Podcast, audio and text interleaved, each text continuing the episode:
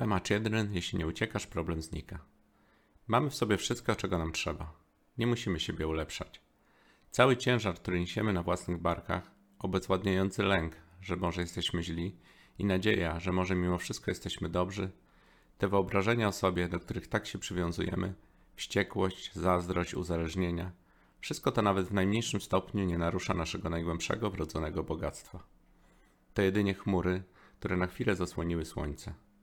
Ale ciepło słońca jego światło nadal tu są. Tym właśnie jesteśmy. Od pełnego przebudzenia dzieli nas jedno mrugnięcie powieki. Gdy patrzymy na siebie z tej perspektywy, a zatem inaczej niż mamy w zwyczaju, nie musimy się zmieniać. Możemy czuć się najbardziej nieszczęśliwi na świecie i wciąż być dobrymi kandydatami na buddów.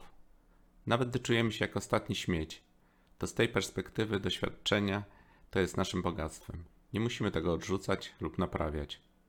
To, co w nas obrzydliwe, czego tak bardzo sobie nie lubimy i bardzo nie chcemy, jest naszym bogactwem. Także to, co w nas zachwycające, co tak bardzo w sobie kochamy, z czego jesteśmy dumni, co nam niesie natchnienie, to również nasze bogactwo. Praktyki opisane w tej książce możesz zacząć w stanie, w jakim właśnie jesteś. Jeśli czujesz gniew, żyjesz w biedzie, dokucza ci depresja, te nauki przeznaczone są właśnie dla ciebie. Dodadzą ci odwagi, abyś wszystko to, co się w twoim życiu nie podoba, mógł wykorzystać do przebudzenia współczucia wobec siebie i innych. Praktyki te uczą, jak akceptować samego siebie, jak zrozumieć cierpienie, jak przestać uciekać od bolesnych aspektów życia.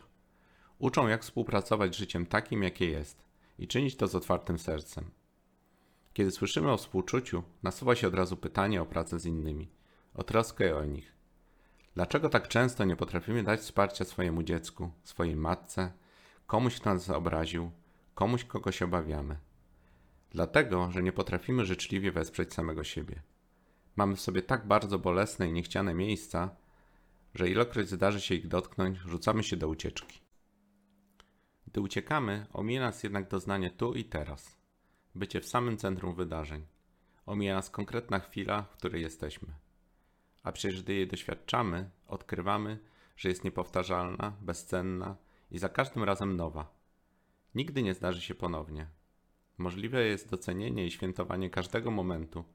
Nie ma nic bardziej świętego, nic bardziej nieograniczonego i absolutnego, a tak naprawdę to jedyne co jest.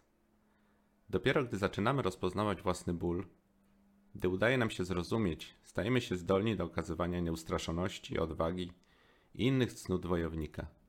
Możemy wówczas poprzeć także ból innych istot. Potrafimy wziąć na siebie ich cierpienie, ponieważ rozumiemy, że nie różni się ono niczym od naszego.